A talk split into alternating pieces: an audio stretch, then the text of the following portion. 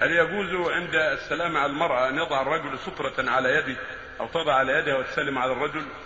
لا يصافح النساء لا لكن يسلم عليها بالكلام يعني لا بسترة من ولا دون مصافحه لا بستره ولا بغيرها النبي عليه الصلاه والسلام قال اني لا اصافح النساء يعني هذا المجاهدين نعم. نعم.